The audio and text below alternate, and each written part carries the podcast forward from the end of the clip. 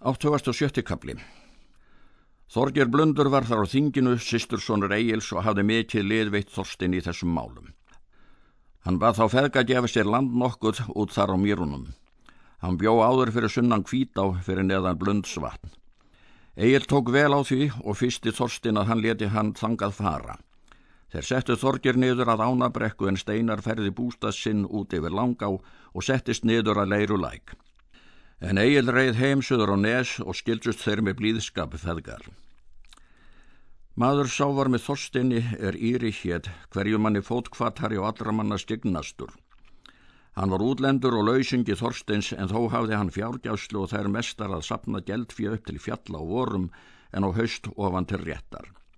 En nú eftir fardaga let þorstinn sapna geldfíu því er eftir hafi verið um vorið og ætlaði að láta reka það til fjalls. Íri var þá í fjárréttinum en Þorstein og húskarlar hans reið upp til fjalls og voru þeir átta saman. Þorstein let gera gardans vera grísatungu millir langavans og gljúfurár, let hann þar að vera marga mennum vorið. Og er Þorstein hafði litið við verk húskarlar sinna þá reið hann heim og er hann kom gengt þingstöðum þá kom Íri þar hlaupandi í móti honum og sagði að hann vil mæla við Þorstein einu mæli. Þorstein meldi að förunöðar hans skildu ríða fyrir meðan þeir töluðu. Íri segir Þorstein að hann hefði farið upp á einhvernir um daginn og séð til sögða. En ég sá, segir hann, í skóginum fyrir ofan veturgötu að skinu við tólf spjót og skildir nokkurir. Þorstein segir hátt svo að förunöðar hans herðu svo beint.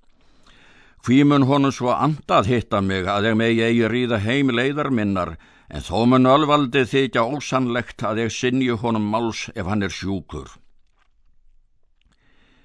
Íri hljóp þá sem mest mátti hann til fjalls upp. Þorstein segir förnutum sínum.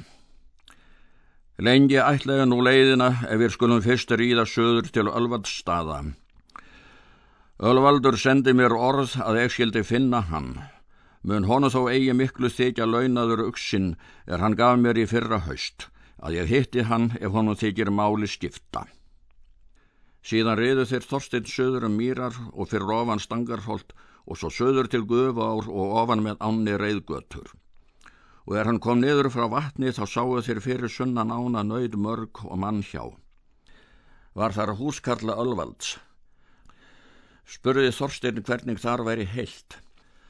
Hann sagði að þar var vel heilt og Ölvaldur var í skógi að veðar högvi. Þá skaltu, segir Þorstinn.